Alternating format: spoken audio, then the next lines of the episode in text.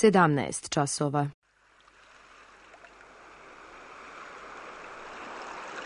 Radio Televizija Srbije. Radio Beograd 2.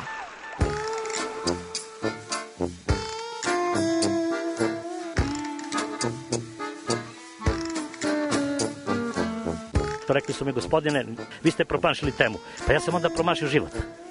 I ne znam šta će da bude sam. Kaže, ja ne mogu više te čuvam. Šta da ti radi, kaže, snađi se kako znaš. Mi smo kao u kafesu. Za nas to je najmrtvo. To je mrtvo za nas, naročito. I ja bih želela neko da me usvoji. Da bih želela. Govori da bih te video. Program dokumentarnog zvuka.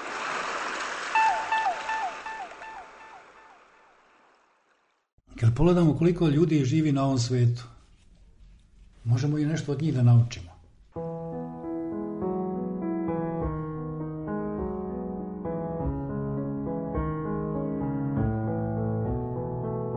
Novinar Pustolov Zoran Ćulafić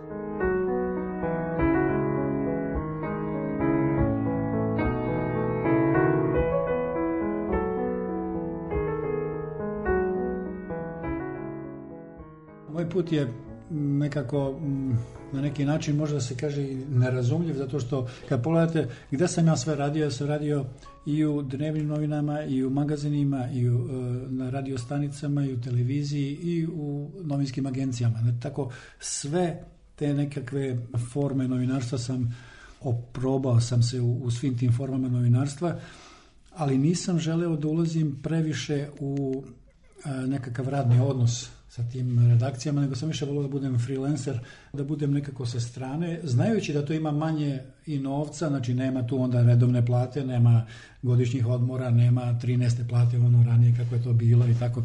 Raznih drugih beneficija tu nema, ali imate tu onda slobodu da možete da, da sami birate teme, da možete sami da radite ono što hoćete da radite. Moje shvatanje novinarstva možda se vidi i, i recimo na primjeru jedno vrijeme, kada je rat počeo u Bosni, nisam mogao nekako da ostanem ovde, e, hteo sam da odem da budem bliže tamo, da vidim šta se događa, da osjetim to, da ne mogu da budem u Gornjem Milanovcu i da izveštavam da tako ima nekakav novi proizvod, tako, a tamo ljudi ginu na 100 km odavde. I ja sam pokušavao da odem i otišao sam uh, agencija Srna, tada je bila tek u, u formiranju i nisu imali novca da plate oni nekakvu platu ili nešto, sećam. Mi smo imali smešta i hranu tu, ništa drugo. Ja mislim da su davali, da su tada marke bile ili ne znam šta, jednu marku ili jednu i po marku mesečno onako za cigarete da čovjek možda kupi ili tako nešto. Ali ja nisam ni otišao zbog novca, nego sam uh, hteo da, da, da budem na, na izvoru nekih događanja, da vidim šta se dešava.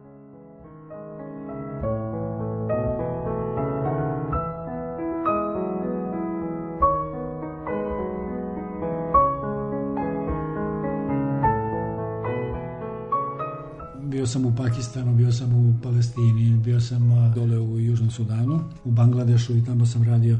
Meni više odgovara ta vrsta priče. Kada bih mogao da biram, ja bih uvek izabrao pre, recimo, Džubu nego New York. E, iako u Južnom Sudanu nema tog standarda kakvog ima po Evropi ili Americi ovo. Ali ima kontakta među ljudima, ima drugih priča, ima mnogo više ljudskosti čini mi se, u tim sredinama nego, nego ovamo. Ovamo je tehnologija, žurba, sve se okreće prema profitu. Ja ne volim kada sve može da se kupi ili da se proda. Nešto nije ni za kupovinu, nešto nije ni za prodaju.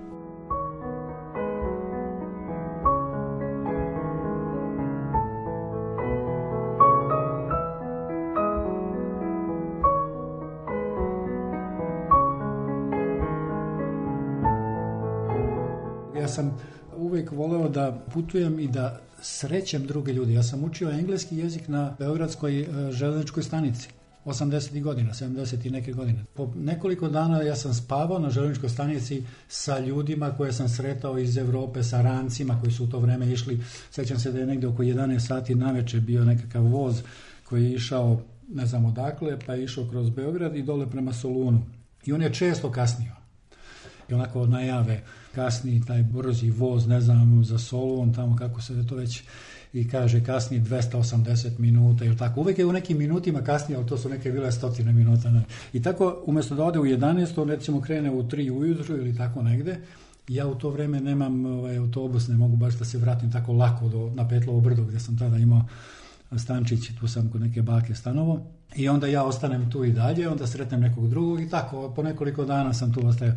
Ali meni je to bilo, ja sam sa tim ljudima, sretnem ih i onda ih čisto počnemo da razgovaramo i ako ih interesuje da pođemo malo po gradu, da ja kažem, mene samo interesuje da razgovaram s vama, da malo naučim, a vi ako nešto možete da vam pomognem, tu sam i tako je to funkcionisalo. To je samo želja, želja da, da nešto naučim, da vidim nešto drugo. Jer sedeti ispred televizora i gledati neki film, reportažu je jedna stvar. Ali kada sami uđete u to i kada ste sami u tom filmu, to je ipak nešto drugo. Otprilike sam takav tip da volim da ovaj, da istražim nešto, da pokušam nešto. E, išao sam ranije kao student, ono, tad je moglo da se ode u Švajcarsku, da tamo radim preko leta i da mogu da, da zaradim neki džeparac i tako. I onda sam tu zaradio malo nekih para i, i ove, mislio sam šta da radim s tim, da sad vratim ovdje u Beograd i da to kao nešto ovdje. Ne, onda sam ja to uzeo i ovaj, kupio sam kartu i otišao sam 10 dana u London. Ali eto, to je taj, taj način kako ja radim. E, nešto vidim, onda mi padne na pamet, ok, idemo, ranac na, na leđa i polako.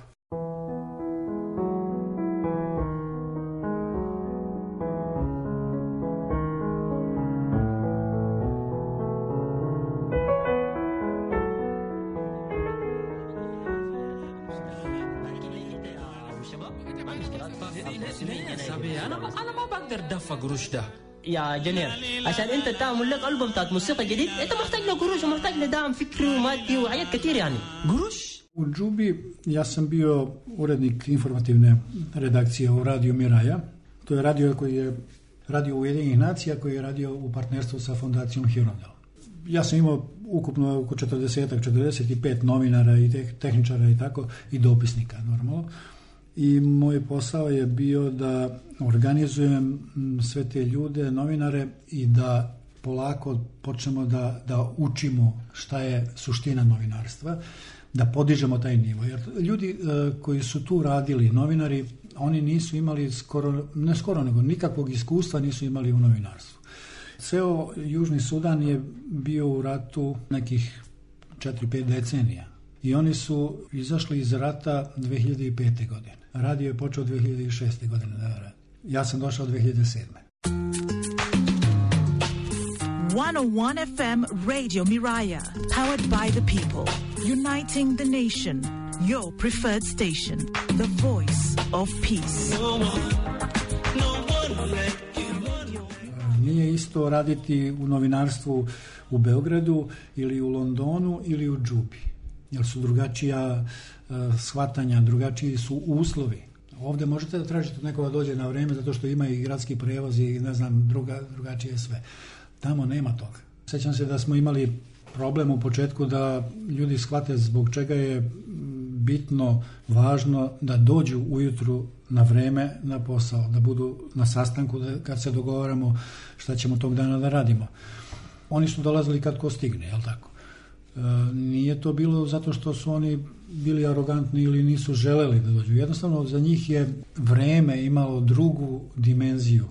I onda sam odlučio da odem i da obiđem te ljude da vidim gdje oni žive. E, oni žive u kolibama od blata i od trske pokrivene. Nemaju nikakav put pored. Kad padne kiša, kiše su svakodnevne tamo. On ne može da izađe, treba mu dosta vremena da izađe samo do nekog suvog puta da bi došao ovamo. Ja sam odlazio kod njih u posetu, oni su dolazili kod mene u posetu. Ja sam ih zvao. I recimo, e, e, oko tog vremena kako, kako da naučimo da, da poštujemo neke dogovore ili vreme. U početku, e, ja sam trojica ili četvorica tih momaka tu koji su bili, nešto smo dogovorili da dođu kod mene, da ja napravim neki ručak ili tako nešto da popijemo, pa da se nađemo i da kaže može, može. Ja sam to sve pripremio, za vikend je to bilo, tog dana niko od njih nije došao. Ja, šta je sad ovo pitanje, mislim, nisam ih zvao da rade, nisam ih zvao da nešto, oni, znači, jednostavno dođemo, da sednemo, da se opustimo, da pričamo, znam da vole, ovaj, da, i sutradan, u ponedjeljak kad sam došao, ovaj, kad su oni došli na posao, ja ih pitam, pa dobro, šta je bilo ovo? I ja, pa je to bilo sad u petak. Oni su potpuno zaboravili, zato što je e, vrsta ta e, vremena, dogovora, nečega je potpuno drugačija kod njih e, u odnosu na ovo što je kod nas. I onda, kad sam sve ja to video, onda sam počeo drugačije da razmišljam o, o mom pristupu, kako da priđem tim ljudima i kako da napravimo jedan tim. Ja se nikada ne naljutim na, na ljude u, u takvim situacijama, nego pokušavam da razumem zbog čega oni to rade. Jer naljutiti se je lako, ali to, to je jedna vrsta nemoći, a možda čak i arogancije. Da se ja sada ljutim na nekoga zbog nečega. Ali je bitno da, da, da se razume zbog čega to ne, neko nešto radi. I kada to shvatite, onda, uh, onda cijela ta priča dobija drugu dimenziju. Jer posle tih, ne znam, 6-7 meseci tog upoznavanja na početku, kad smo imali i neke iskrice onako, jer nekada kad nešto neće, onda ja kažem pa to moramo da, da uvedemo tako, ne možeš ti nama da, da nešto namećeš. Jer oni imaju taj sindrom e, kolonijalizma je još uvek duboko uvrežen u celoj Africi. Stalno su bili e, pod ne, nečijom čizmom. I normalno je da se ne osjećaju lepo kad dođe neko da im nešto nameće i da im nešto diktira, da, da im soli pamet, jel tako? Možda će da ćute, ali se neće osjećati lepo. I kad sam ja to sve shvatio, onda je potpuno druga se dimenzija otvori.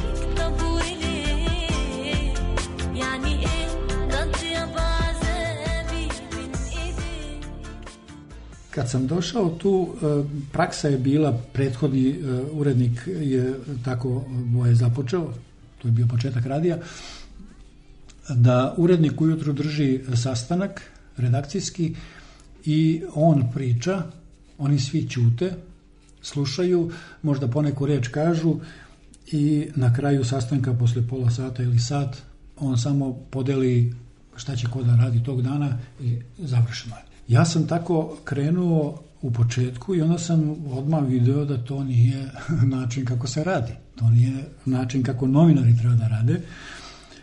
I e, odmah posle nekoliko, posle mesec dana ili tako, e, sam e, tražio od njih da oni počnu da vode sastanke.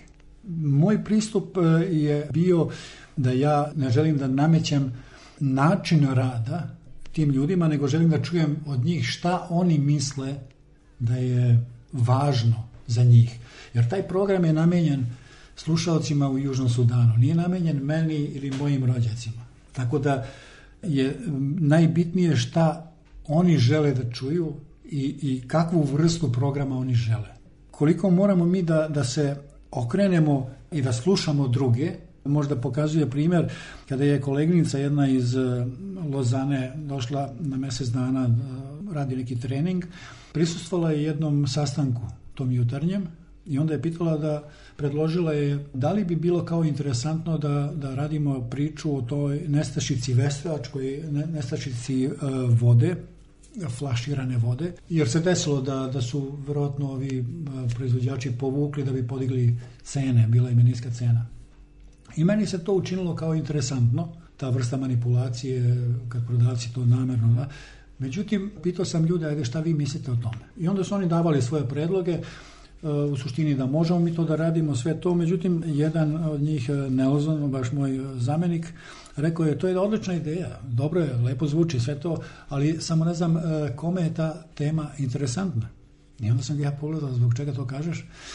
Kaže, mi ne kupujemo vodu. Kad kažem mi, znači stanovništvo u Južnom Sudanu, mi kaže ne kupujemo vodu tu flaširanu. To kupujete samo vi stranci, kaže. I poneko iz ministarstva. A mi, kaže, pijemo vodu i koristimo vodu za kuvanje iz Nila. Imaju tablete, one koje stave i to je to. Tako da ta vrsta priče zvuči nama u Evropi e, kao nešto interesantno, međutim njima je potpuno irelevantna.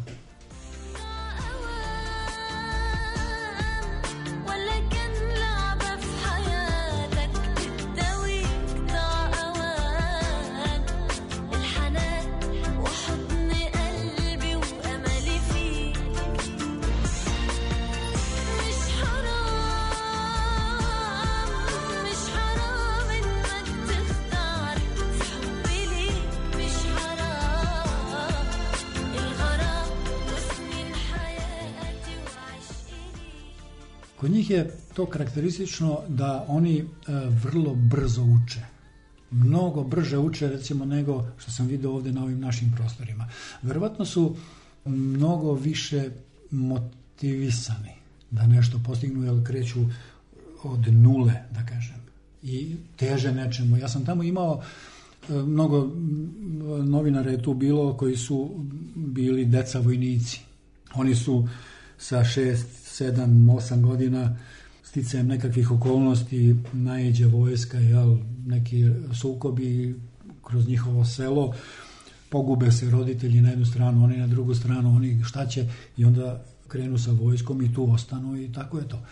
Dešavalo se da, da ovaj, po nekoliko godina idu samo sa vojskom od mesta do mesta, peške i tako dalje. Bilo je tu raznih priča. Ja se sećam kada je jedna koleginica je radila jedan dokumentarac tu televizijski. Jedan od tih uh, novinara, Mal McCarthy se zove, on je bio prezenter, vrlo popularan u Južnom Sudanu zbog radija i zbog emisije koju je vodio i zbog načina na koji je to radio.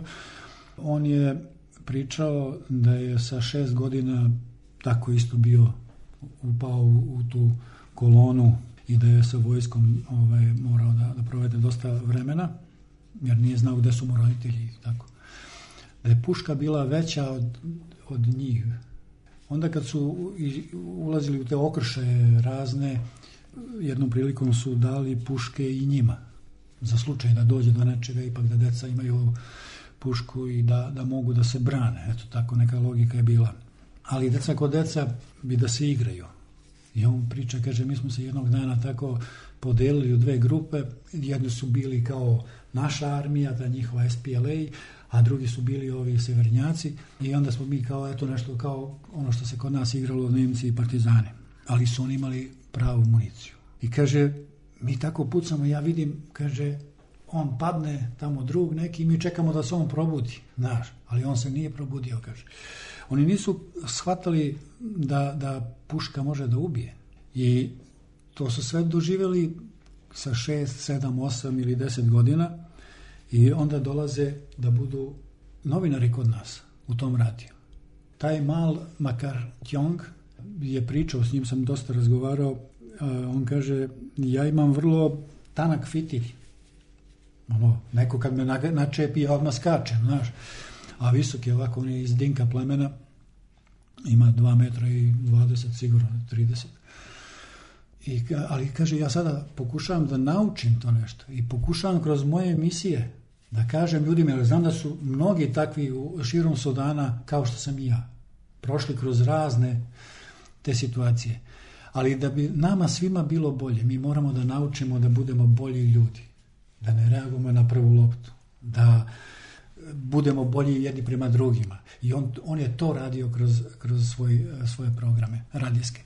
I mnogo takvih situacija je bilo da smo pokušavali kroz e, radijske programe da smirimo situaciju. Sećam se, jedan puta je bila e, dva plemena Dinka i, i Nujar, mislim da su bili, krenuli su, konflikti između njih krenuo baš ovako i dosta je bilo mrtvih.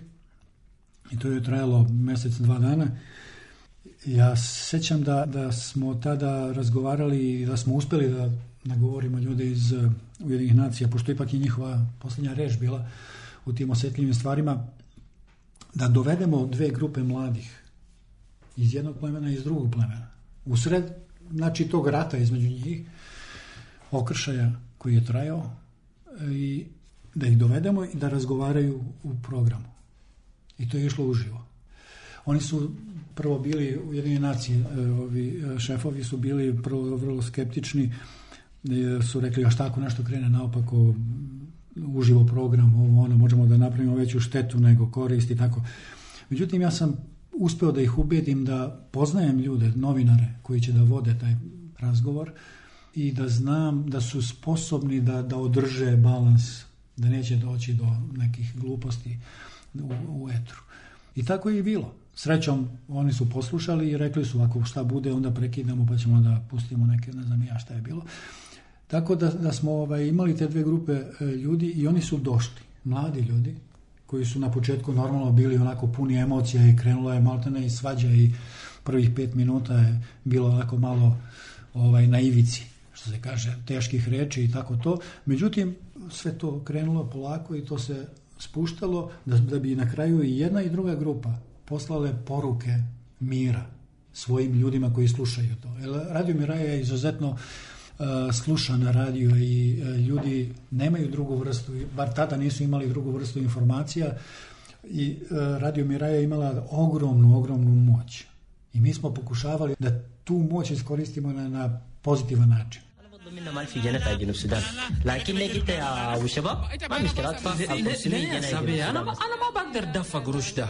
يا جنير عشان أنت تعمل لك ألبوم بتاعت موسيقى جديد. أنت محتاج له قروش ومحتاج لدعم فكري ومادي وحاجات كتير يعني.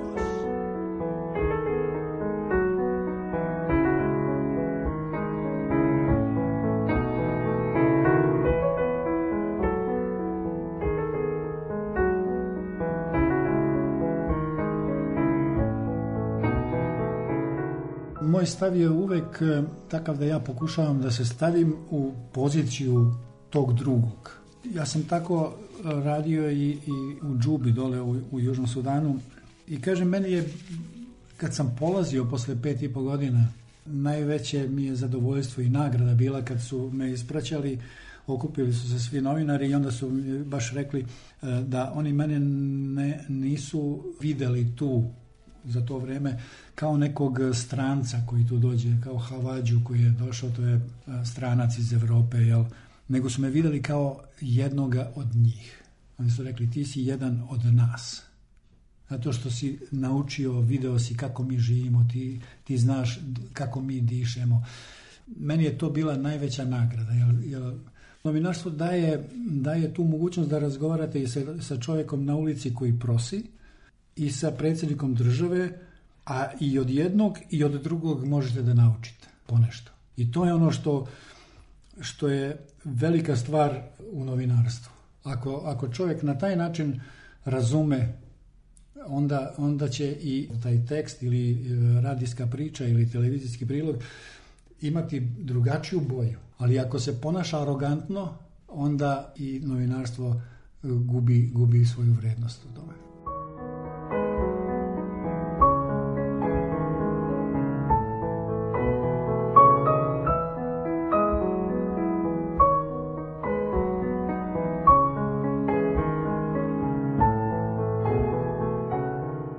Sva ta iskustva u radu e, sa ljudima i u Africi i u Aziji i ovde kod nas, moja iskustva u novinarstvu e, mene samo još uvijek e, učvršćuju me u, u nekom uverenju da je novinarstvo izuzetno lep posao, poziv, ali da ga treba pravilno shvatiti i, i, i pravilno se prema njemu odnositi.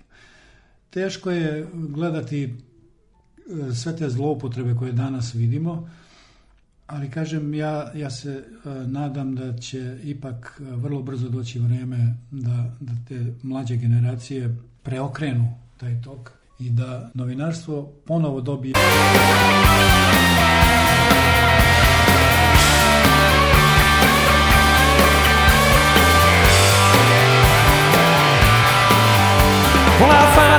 the room clear, bleeding from my left ear, feeling pretty bad for the maid. Lost a couple drinks, my dinner in the sink, and I woke up with the bed still made. Yeah, it wasn't quite morning, I wasn't quite breathing, my heart way up in my throat. The girl starts screaming, the maid starts screaming, and it looks like it's all she wrote.